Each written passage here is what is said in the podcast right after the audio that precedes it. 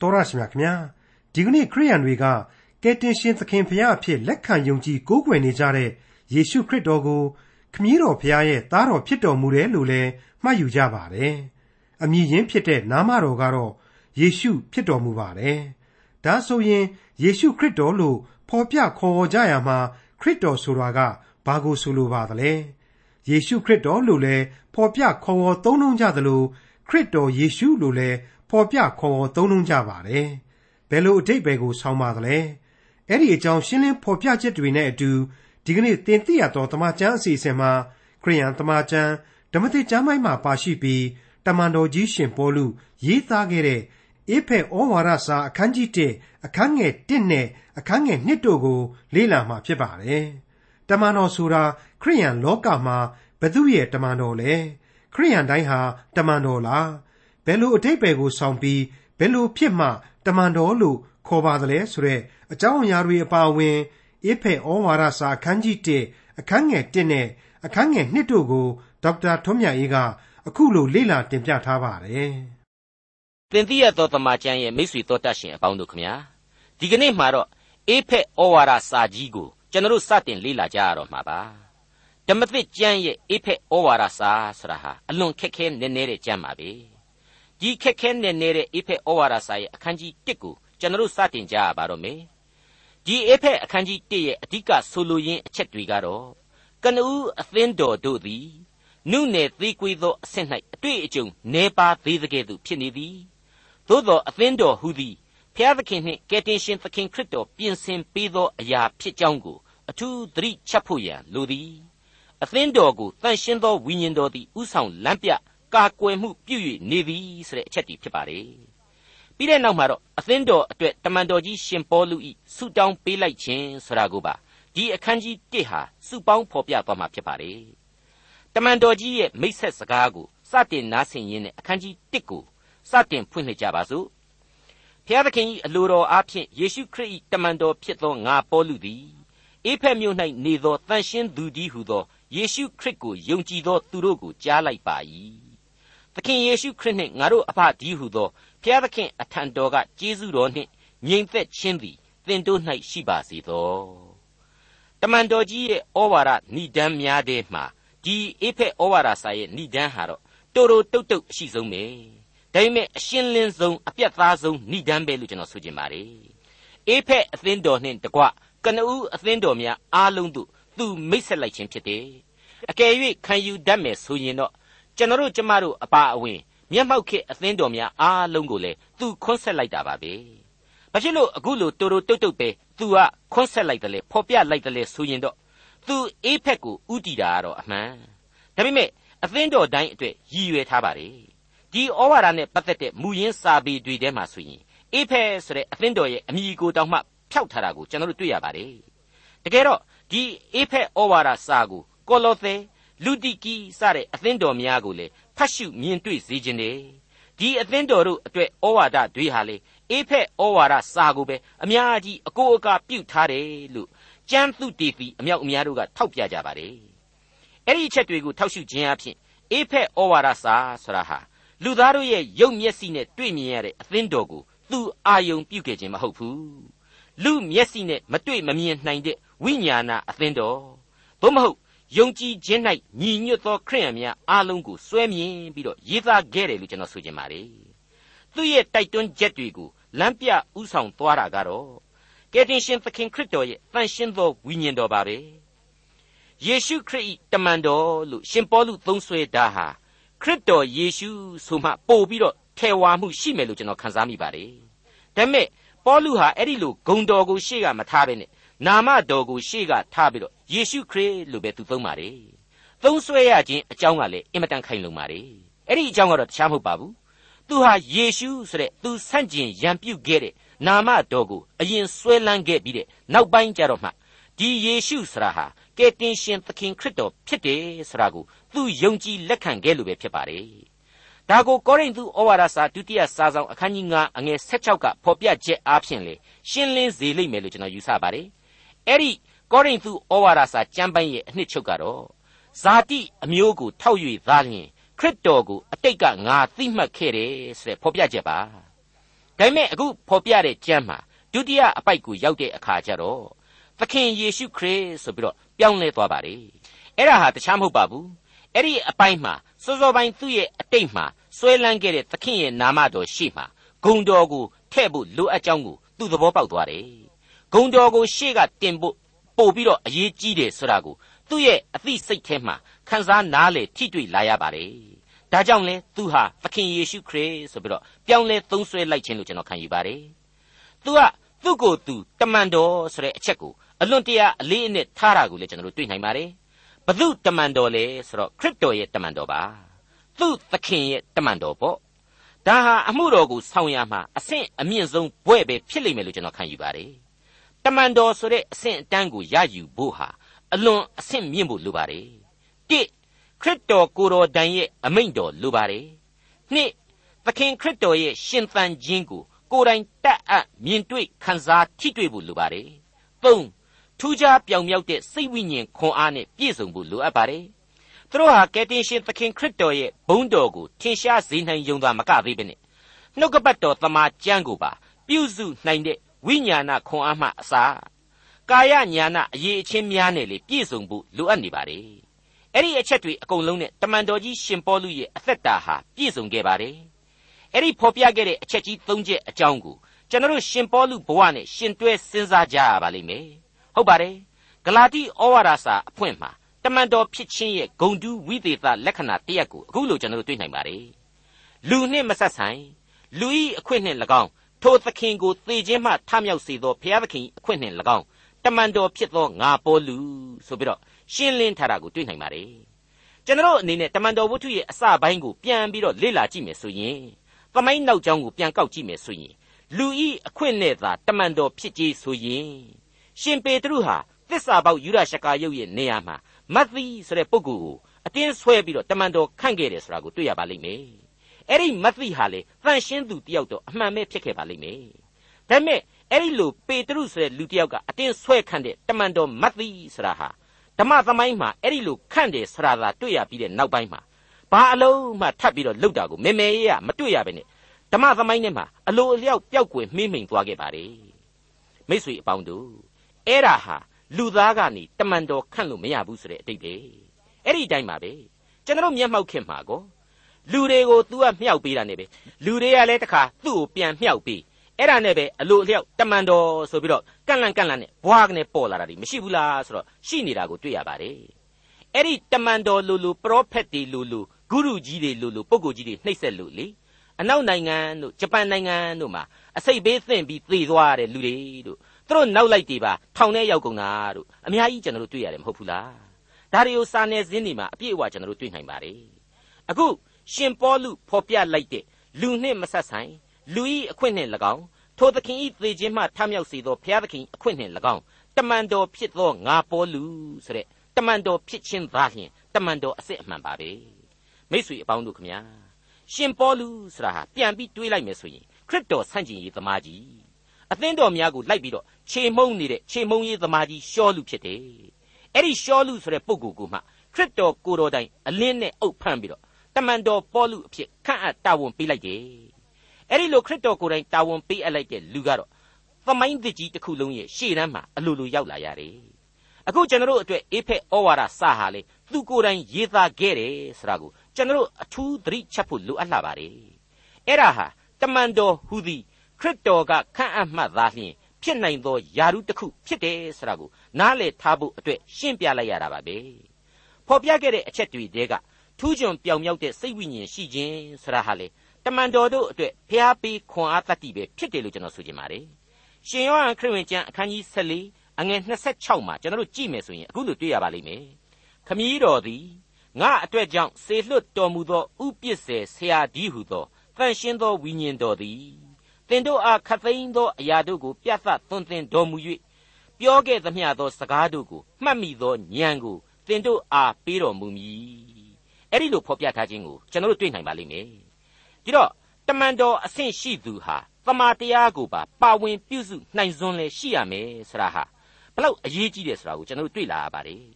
အဲ့ဒီလိုတမာတရားကိုပါဝင်ပြုစုနိုင်ခြင်းဆိုတာနဲ့ပတ်သက်လို့လေဒါဟာခရစ်တော်ပေးသောနောက်ထပ်တတ္တိဒူးတစ်ခုအဖြစ်အဲ့ဒီရှင်ယောဟန်ခရစ်ဝင်ကျမ်းအခန်းကြီး16အငယ်73မှာအခုလိုထပ်ပြီးတော့လေ့လာနိုင်ပါသေးတယ်။တမန်တရားနှင့်ပြည့်စုံသောထိုဝိညာဉ်တော်သည်ရောက်လာသောအခါ တမန်တရားကိုသင်တို့အားအကျွင့်မဲ့သွန်သင်ပြသလိမ့်မည်။ထိုဝိညာဉ်တော်သည်ကိုယ်အလိုအလျောက်ဟောပြောသည်မဟုတ်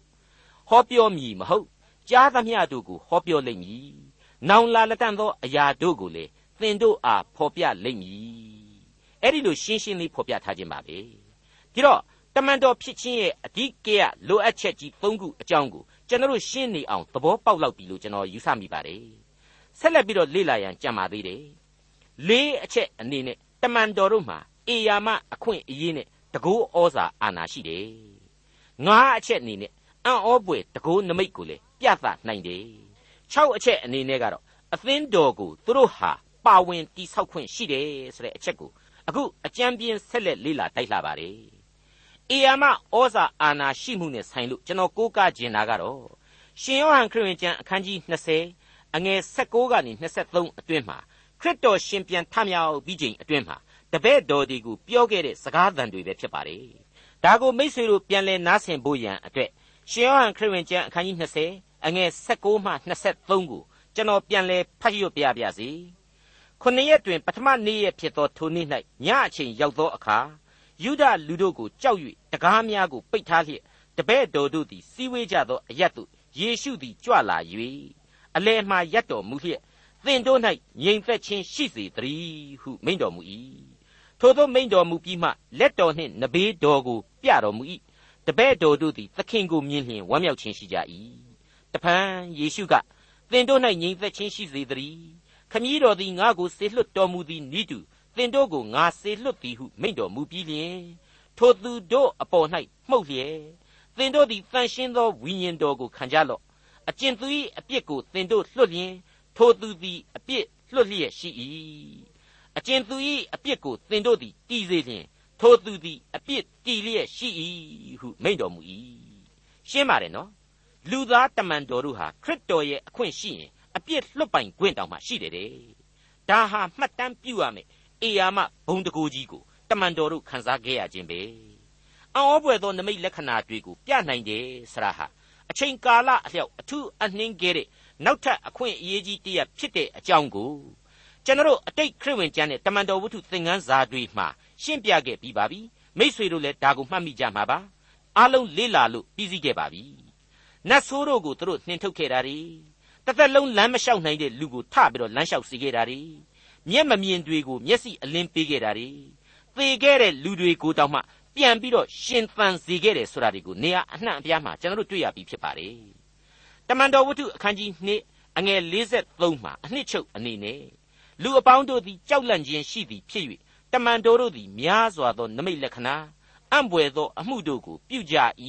ဆိုပြီးတော့အတူချုပ်ဖော်ပြထားပါတယ်ဒါတွေဟာအမြုပ်တေအသင်းတော်တို့ကိုတည်သောအဦးအစအချိန်ကာလမှာကဲတင်ချင်းကျေးဇူးတရားကိုလူသားတိုင်းအလွယ်တကူနားလည်နိုင်အောင်အထူးတကိုးများကိုအထူးအချိန်ကာလအဖြစ်သတ်မှတ်ပြီးပေးထားခဲ့ခြင်းပဲလို့ကျွန်တော်ဆိုချင်ပါတယ် အဲ့ဒီလိုယေရှုခရစ်ရဲ့အမိန့်တော်နဲ့တမန်တော်ဖြစ်တဲ့ပေါလုကနေပြီးတော့သူအလွန်သိစေခြင်းတဲ့အချက်တစ်ခုကိုလေအခုအေဖက်ဩဝါဒစာမှာဖော်ညွှန်းထားပါတယ်အဲ့ဒါကတော့ဖျားသခင်ဤအလိုတော်အားဖြင့်ဆိုတဲ့အချက်ပါပဲအသင်းတော်ကောင်စီရဲ့အများစုဆန္ဒကြောင့်မဟုတ်တလို့လူသားအချင်းချင်းတို့ရဲ့တောင်းဆိုချက်ကြောင့်ဘယ်နည်းနဲ့မှမဖြစ်ရဘူးကိုယ်စိတ်နဲ့ကိုယ်ကောင်းတို့ယာယာတွေကိုလည်းထင်နှိုင်းလျှောက်မလုပ်ရဘူး ဖျားသခင်ဤအလိုတော်သာလျှင်အဓိကအရာဆိုတာကိုသူဒီမှာရှင်းရှင်းကြီးဖော်ပြလိုက်ပြီဟုတ်ပါတယ်ငါဟာတစ်ချိန်ကခရစ်တော်ကိုအလွန်မုန်းခဲ့တယ်ဓမ္မဟောင်းပြည့်ညတ်တော်တွေကိုသာငါဟာအသေးဆုပ်ကင်ထားခဲ့တယ်ဒါပေမဲ့ငါဟာဒီလိုအမှုတော်ဆောင်တယောက်ဖြစ်လာဖို့အတွက်အမိဝမ်းတဲကပင်လျင်ဖျားသခင်အလိုတော်ရှိခဲ့တယ်ဆိုတာကိုငါသိတဲ့အချိန်မှာငါကိုကိုငါတောင်မှငါပြန်ပြီးတော့မတိုင်ပင်တော့ပဲအမှုတော်ကိုဆောင်ဖို့ဆုံးဖြတ်လိုက်တာပဲဆိုတဲ့အချက်ကို ဂလာတိဩဝါဒစာအခန်းကြီး1အငယ်14ကနေ16အတွင်းမှာဖတ်ကြည့်ရင်ကျွန်တော်တို့တွေ့နိုင်ပါတယ်အဲ့ဒီလိုပါပဲတိမောသေဩဝါဒစာပထမစာဆောင်အခန်းကြီး1အငယ်7ကနေ73အတွင်းကိုပြန်ကြည့်နိုင်မယ်ဆိုရင်လေလူမိုက်တယောက်သာဖြစ်တဲ့ငါမှာသစ္စာတရားရှိတာကိုဘုရားသခင်သိမြင်လို့ငါ့ကိုဓမ္မဆရာအဖြစ်ခန့်အပ်လိုက်တာပါဆိုပြီးတော့သူဟာတိမောသေစီကိုရင်ဖွင့်ရေးသားဖော်ပြခဲ့ပါသေးတယ်မိษွေအပေါင်းတို့ခမညာတ ကယ်တော့ တမန်တော်ကြီး ရှင်ပေါလု ဖော်ပြနေတဲ့အချက်ဒီအကုန်လုံးဟာ ဘုရားသခင်ရဲ့ အမှုတော်ဆောင်တို့အဖို့ အလွန်အလွန်ကြီးမားလှတဲ့ သင်ခန်းစာတွေပဲ ဖြစ်ပါတယ် ခရစ်တော်ဤခန့်အပ်တော်မူခြင်း ဘုရားသခင်အလိုတော်အတိုင်း အမှုတော်ကို ဆောင်ခြင်းဆိုတဲ့ အခြေခံလိုအပ်ချက်တို့ မပါဝင်ဘဲနဲ့ ဘုရားသခင်ရဲ့ နာမတော်ကိုအယံအသုံးမပြုရဘူးတန်ရှင်းမြင့်မြတ်တဲ့အမှုတော်ကို မဆောင်ရွက်ရဘူးဆိုတဲ့ လိုအပ်ချက်တွေကို တမန်တော်ကြီးဟာ ဒီနေရာမှာ အလေးအနက် ဖော်ပြလျက်ရှိနေပါတယ် မိษွေတော်တတ်ရှင်အပေါင်းတို့ဒီဏိဒန်းစကားကလေးတွေထဲမှာပဲကြားလိုက်ရတာကတော့အေဖက်မြို့မှာနေတဲ့တန်ရှင်းသူများဖြစ်သောခရစ်တော်ကိုယုံကြည်သူတို့အတွက်ဤစာကိုငါရေးလိုက်ရပါတယ်တဲ့တန်ရှင်းသူဆိုတာဟာအင်္ဂလိပ်လို saints ဖြစ်ပါတယ်ဒါဟာဟေပြဲနဲ့ဟေလသစာအရသီးသန့်လူသားဆိုတဲ့အဓိပ္ပာယ်ရှိပါတယ်ဘာအတွက်သီးသန့်ဖြစ်တယ်လဲဆိုတော့ဖျားသခင်အတွက်သီးသန့်ဖြစ်ခြင်းပေါ့ အဲ့ဒါကိုတန်ရှင်းသူဆိုပြီးတော့နှုတ်ကပတ်တော်ကသုံးပါတယ်တကယ်တကယ်တော့အပြစ်လူပောင်ကသာမညောင်ညလူသားဖြစ်ရတဲ့ဘာကြောင့်အဲ့ဒီလိုတန့်ရှင်းသွားရသလဲရှင်းရှင်းပြောရရင်တော့ဘုရားသခင်ကသုံးဖို့ဖယ်ထားလိုက်ခြင်းကြောင့်တန့်ရှင်းသွားတာပဲရွေးကောက်လိုက်သောကြောင့်တန့်ရှင်းသွားတာပဲကျွန်တော်အထက်ပမာပြည်တောင်ပေါ်မြို့ကြီးတစ်မြို့မှာလွန်ခဲ့တဲ့နှစ်ပေါင်း40ခန့်လောက်ကနေခဲ့ဘူးပါတယ်အဲ့ဒီမြို့မှာကျွန်တော်အိမ်ကနေဈေးတို့ကြောင်းတို့ကိုသွားလို့ရှိရင်လန့်ခွက်လက်မှာ သင်ញိုင်းကုန်းတစ်ခုနဲ့အတူဗိမာန်တော်ကြီးအကြီးကြီးတစ်ခုကိုတွေ့ရပါတယ်ခရိယန်သုတ်တန်နဲ့တွဲလျက်ဗိမာန်တော်ကြီးပေါ့ကျွန်တော်စိတ်ထဲမှာတော့အင်္ဂလိပ်တွေမြန်မာပြည်ကိုကိုလိုနီအဖြစ်အုပ်ချုပ်တုန်းကတိဆောက်ပေးခဲ့တဲ့ဗိမာန်တော်ကြီးဖြစ်မှာပါဘာပဲပြောပြောအရင်ကသာတန့်ရှင်းသောဗိမာန်တော်ဖြစ်ခဲ့တယ်နှောင်းကာလကျွန်တော်ရှိစဉ်မှာကတော့မတန့်ရှင်းတော့ဘူးဘာဖြစ်လို့လဲဆိုတော့ဖျားသခင်ကတန့်ရှင်းစေလို့အမိန့်မချတော့ဘူးလေအဲ့ဒီတော့အဲ့သက်မဲ့အဆောက်အုံကြီးဟာမဟုတ်တန်းတရားတွေပြုလုပ်တဲ့နေရာ လူမိုက်တွေစုဝေးတတ်တဲ့နေရာလူညစ်ပတ်တွေရန်ကားတတ်တဲ့နေရာအဖြစ်အလိုလိုရောက်ရှိသွားရတယ်ည9နာရီ10နာရီဆိုရင်ကျွန်တော်ကလေးတွေအဲ့နာကိုတော့ဘိုက်စကယ်မစီးရဘူးထွက်ရိုက်မှာဆိုလို့တော်ယုံလူကြီးတွေလည်းအဲ့ဒီအတိုင်းပဲတယောက်တည်းမသွားရဘူးကျွန်တော်မှတ်မိတယ်မိษွေအပေါင်းတို့ကိုတို့ရဲ့ရုပ်ဘဝဟာတကယ်တော့အပြစ်ဘဝအခြေခံပါဒါပေမဲ့ဖျားသခင်အသုံးပြုခြင်းကိုခံတိုက်အောင်လုပ်နိုင်မှတန့်ရှင်းသူဆိုတာဖြစ်နိုင်လာလိမ့်မယ် သီးသန့်ဖျားသခင်ဖယ်ရှားထားတဲ့သီးသန့်လူသားဖြစ်လာပါလိမ့်မယ်အခုတမန်တော်ကြီးရှင်ပေါလုရဲ့ဝကြအထာအသူအရာအဲ့ဒီလိုတန်ရှင်းသူဆိုတာခရစ်တော်ကိုယုံကြည်သူခရစ်တော်ကိုယုံကြည်သူဟာတန်ရှင်းသူဆိုတဲ့အတုံးအပြန်သဘောတရားဒီနေရာမှာပေါ်ထွက်လာပါတယ်မိษွေတော်တတ်ရှင်အပေါင်းတို့သခင်ယေရှုခရစ်နှင့်ငါတို့အဖကြီးဟုသောဖျားသခင်ဤအထံတော်ကတဲ့တမန်တော်ကြီးသုံးတဲ့ဝက်ကြဟာအဲ့ဒီလိုဖော်ပြထားတယ်နာမတော်နှစ်ခုကိုခွဲထားလို့ ဒါဟာနှစ်မျိုးခွဲခြားတည်ရှိခြင်းလားမဟုတ်ပါဘူးသခင်ယေရှုခရစ်ကိုယုံကြည်ခြင်းတန်ရှင်းသောဝိညာဉ်တော်၌အသစ်မွေးဖွားခြင်းကိုခံယူခြင်းအပြင်ခရစ်တော်၏နာမတော်ကိုအမိသဟဲပြုပြီးတဲ့နောက်ဖခမည်းတော်ဖြစ်တော်မူသောဘုရားသခင်ရဲ့ထံတော်ကိုတိုးဝင်ရတယ်။သူ့ထံကကောင်းကြီးကိုခံရတယ်ဆိုတဲ့အတိတ်ပဲကိုဆောက်ယူပါတယ်။ပို့ပြီးတော့ပြည့်စုံလုံလောက်သောကျေးဇူးတော်နှင့်ခညောင်းသောလူဘဝအကြောင်းကိုပို့ပြီးတော့ပေါ်လွင်စေပါတယ်။ ရှေးကာလတုန်းကရစ်ကောင်ကိုရစ်ပူဇော်ခြင်းအပြင်ဘုရားသခင်ကိုတိုးဝင်ချင်းကပ်ရတယ်အခုအချိန်မှကျတော့ပုံစံပြောင်းသွားပြီခရစ်တော်ရဲ့ဂျေဇုဂိယုနာတော်ကိုတီမီခံယူခြင်းအပြင်ဘုရားသခင်ဤထံတော်ကိုတိုးဝင်ချင်းကပ်တယ်ဒါပါပဲဒါဟာကယ်တင်ရှင်ဂျေဇုတော်ကိုရယူရခြင်းဖြစ်လို့ကယ်တင်တော်မူခြင်းဆိုတာဟာဘာလဲဆိုတာကိုလေပြန်ပြီးတော့ခွဲခြားစိတ်ဖြာတိုက်တယ်လို့ကျွန်တော်ခံယူမိပါတယ်ဒါကြောင့်မို့လို့အနည်းငယ်ဆက်ပြီးရှင်းပြပါရစေ ကယ်တင်တော်မူခြင်းဆိုတဲ့အချက်ကိုကြားရတော့ဒီဝေါဟာရဟာအသစ်သောပြောင်းလဲခြင်းမိသဟာယဖွဲ့ခြင်းဖြောင့်မတ်ခြင်းအခွင့်ကိုခံစားရခြင်းအပြစ်မှလွတ်ငြိမ်းခြင်းဆိုတဲ့အချက်တွေနဲ့သိပ်ပြီးတော့မထူးသလိုလိုပဲရှိပါတယ်ကျွန်တော်ကိုယ်တိုင်ကလည်းတွေးရောရှက်တင်သုံးဆွဲတဲ့အချိန်ပေါင်းမြောက်များစွာရှိခဲ့ပါတယ်တကယ်တော့နက်နက်နဲနဲခွဲခြားစဉ်းစားမယ်ဆိုရင်သူ့စကားနဲ့သူတော့သီးသန့်လက္ခဏာကလေးတွေဟာအသီးသီးရှိနေပါတယ်ဘာပဲဖြစ်ဖြစ် အဲ့ဒီလိုအမျိုးမျိုးသောလူဘဝရဲ့ခံစားရယူရာကျေးဇူးတော်တို့ရဲ့အစဟာခရစ်တော်ရဲ့အသေးခံတော်မူခြင်းမှာတွားပြီးတော့ဗဟုပြုနေတယ်အဲ့ဒီလိုခရစ်တော်ရဲ့အသေးခံတော်မူခြင်းအပြင်လေယုံကြည်သူတို့ရဲ့အသက်တာဟာတန်ရှင်းသောဝိညာဉ်တော်ရဲ့ပြုပြင်တော်မူခြင်းကိုခံယူရရှိလာရပါတယ်တန်ရှင်းသောဝိညာဉ်တော်အပြင်လေဒီယုံကြည်သူတို့ဟာရေကိုသားလို့အခြားမထင်ပြီးတကယ်သို့အတူတကွဖြစ်သွားတယ်တစည်းတစ်လုံးတည်းဖြစ်သွားတယ်ဆိုတာဟာကျွန်တော်ရှင်းရှင်းကြီးမြင်နိုင်လာပါတယ် ဒီအကြောင်းကိုတော့ကျွန်တော်ကပို့ပြီးတော့ပြည်ပြင်းပြတ်သားနိုင်ဖို့အတွက်ကောရိန္သုဩဝါဒစာပထမစာဆောင်အခန်းကြီး7အငယ်7မှ15အတွင်းကိုဖတ်ရှုပြခြင်းပါတယ်ဥပမာကကိုယ်တစ်ခု၌အင်္ဂါအများရှိသည်ဖြစ်၍ထိုတစ်ခုတည်းသောကိုဤအင်္ဂါအပေါင်းတို့သည်များလျက်နှင့်ကိုယ်တစ်ခုတည်းဖြစ်တဲ့ကဲ့သို့ထိုနည်းတူခရစ်တော်ဖြစ်၏အကြောင်းမူကားယူဒလူဖြစ်စေဟေလသလူဖြစ်စေကျွန်ဖြစ်စေလူလွတ်ဖြစ်စေငါတို့ရှိသမျှသည်ဝိညာဉ်တော်တပါးသည်အဖြစ် တကိုယ်တည်းကဲ့သို့ပဋိသင်ကိုခံကြ၏ငါတို့ရှိသမျှသည်တစိတ်တဝိညာဉ်တည်းသို့လေတောက်ကြ၏ကိုသည်အင်္ဂါတစ်ခုတည်းရှိသည်မဟုတ်အများရှိသည်ဖြစ်၍ခြေကငါသည်လက်မဟုတ်သောကြောင့်ကိုနှင့်မဆိုင်ဟုဆိုလျင်ထိုသို့ဆိုသောကြောင့်မဆက်ဆိုင်သည်မှန်သလောအဲ့ဒီလိုဖော်ပြထားတာကိုတွေ့ရပါတယ်တနည်းအားဖြင့်ဆိုရရင်တော့ကယ်တင်ရှင်သခင်ခရစ်တော်အားဖြင့်ယုံကြည်သူဟာတန့်ရှင်းသူဖြစ်လာတယ်သီးသန့်လူပေါ့ အဲ့ဒီတန့်ရှင်းသူတို့ဟာခရစ်တော်၌တလုံးတဝတည်းသောအသင်းတော်ကိုပူပေါင်းဖြစ်ပွားလာစေတယ်မိษွေတော်တတ်ရှင်အပေါင်းတို့ခမညာအဲ့ဒီလူသားနဲ့တိဆောက်တဲ့အသင်းတော်ဟာကာလနှစ်ပေါင်းကြာရှည်တာနဲ့အမျှသမိုင်းကြောင်းတစ်လျှောက်မှာဇာတိပဂရိလူသားတို့ရဲ့ဗီဇအပြစ်သဘောအမျိုးမျိုးတွေနဲ့တူလူမျက်စိနဲ့မြင်ရတဲ့အသင်းတော်တွေအဖြစ်စုလစ်မွန်ကျွန်တွေခေါင်းလောင်းတန်တွေအမျိုးမျိုးနဲ့ဝင်းချံကြီးတွေအမျိုးမျိုးနဲ့ အသင်းတော်အသင်းတော်ဆိုပြီးတော့အသင်းတော်ပေါင်းမှုလိုပေါက်ပြီးတော့ဖောင်းကြွလာခဲ့ပါတယ်ဒါပေမဲ့ခရစ်တော်အဖို့ကတော့ invisible church လူသားဤမျက်စိနဲ့မမြင်ရသောအသင်းတော်တို့ဒီမဟုတ်တန့်ရှင်းသောဝိညာဏအသင်းတော်အဖြစ်ခရစ်တော်ဟာတည်စေတယ်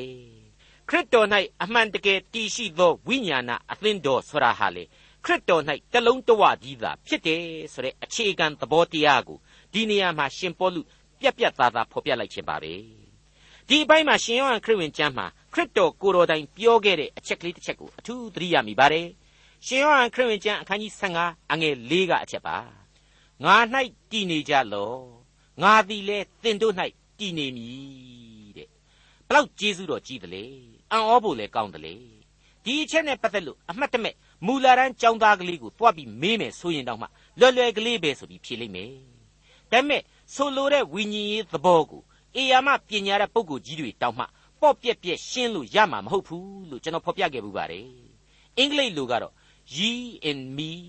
and i in you ဆိုတဲ့စကားစုပါယုံကြည်သူတို့အထက်မှာခရစ်တော်တည်နေတယ်ခရစ်တော်ထံမှာယုံကြည်သူတို့တည်နေကြတယ်တနည်းအားဖြင့်တော့အဲ့ဒီလိုခရစ်တော်တဲခိုသောယုံကြည်သူအစုအဝေးဤတည်နေရ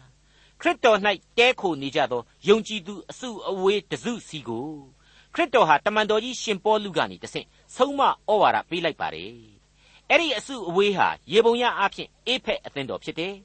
အေဖက်အသင်းတော်ပတ်ဝန်းကျင်ကအသင်းတော်ကလေးတွေအားလုံးနဲ့လည်းမသက်ဆိုင်ဘူးလားဆိုတော့သက်ဆိုင်မှုရှိနေတယ်ဒီအချက်ကိုကျွန်တော်ဟာဏိဒန်းပြိုးကလေးကဖော်ပြခဲ့ပြီးပါပြီဒါနဲ့မကသေးပါဘူး ဒီကနေ့ကျွန်တော်မိษွေတို့ယုံကြည်သူများအားလုံးနဲ့လေအလိုအလျောက်သက်ဆိုင်ခြင်းရှိနေပြန်ပါတယ်မိษွေတော်တတ်ရှင်အပေါင်းတို့ခမညာအေဖက်ဩဝါဒစာမှာဒီကနေ့ကြားနာခဲ့ရတဲ့သင်ခန်းစာတွေအားလုံးကိုခြုံငုံဖော်ပြရမယ်ဆိုရင်တော့လူသားတို့ရဲ့လက်နဲ့တိဆောက်ထားတဲ့မဟာမိုးမြော်အဆောက်အအုံကြီးတွေတဲကအေယာမအခန်းကျယ်ကြီးတွေတဲမှာစုယုံနေကြသူတွေစီကိုအေဖက်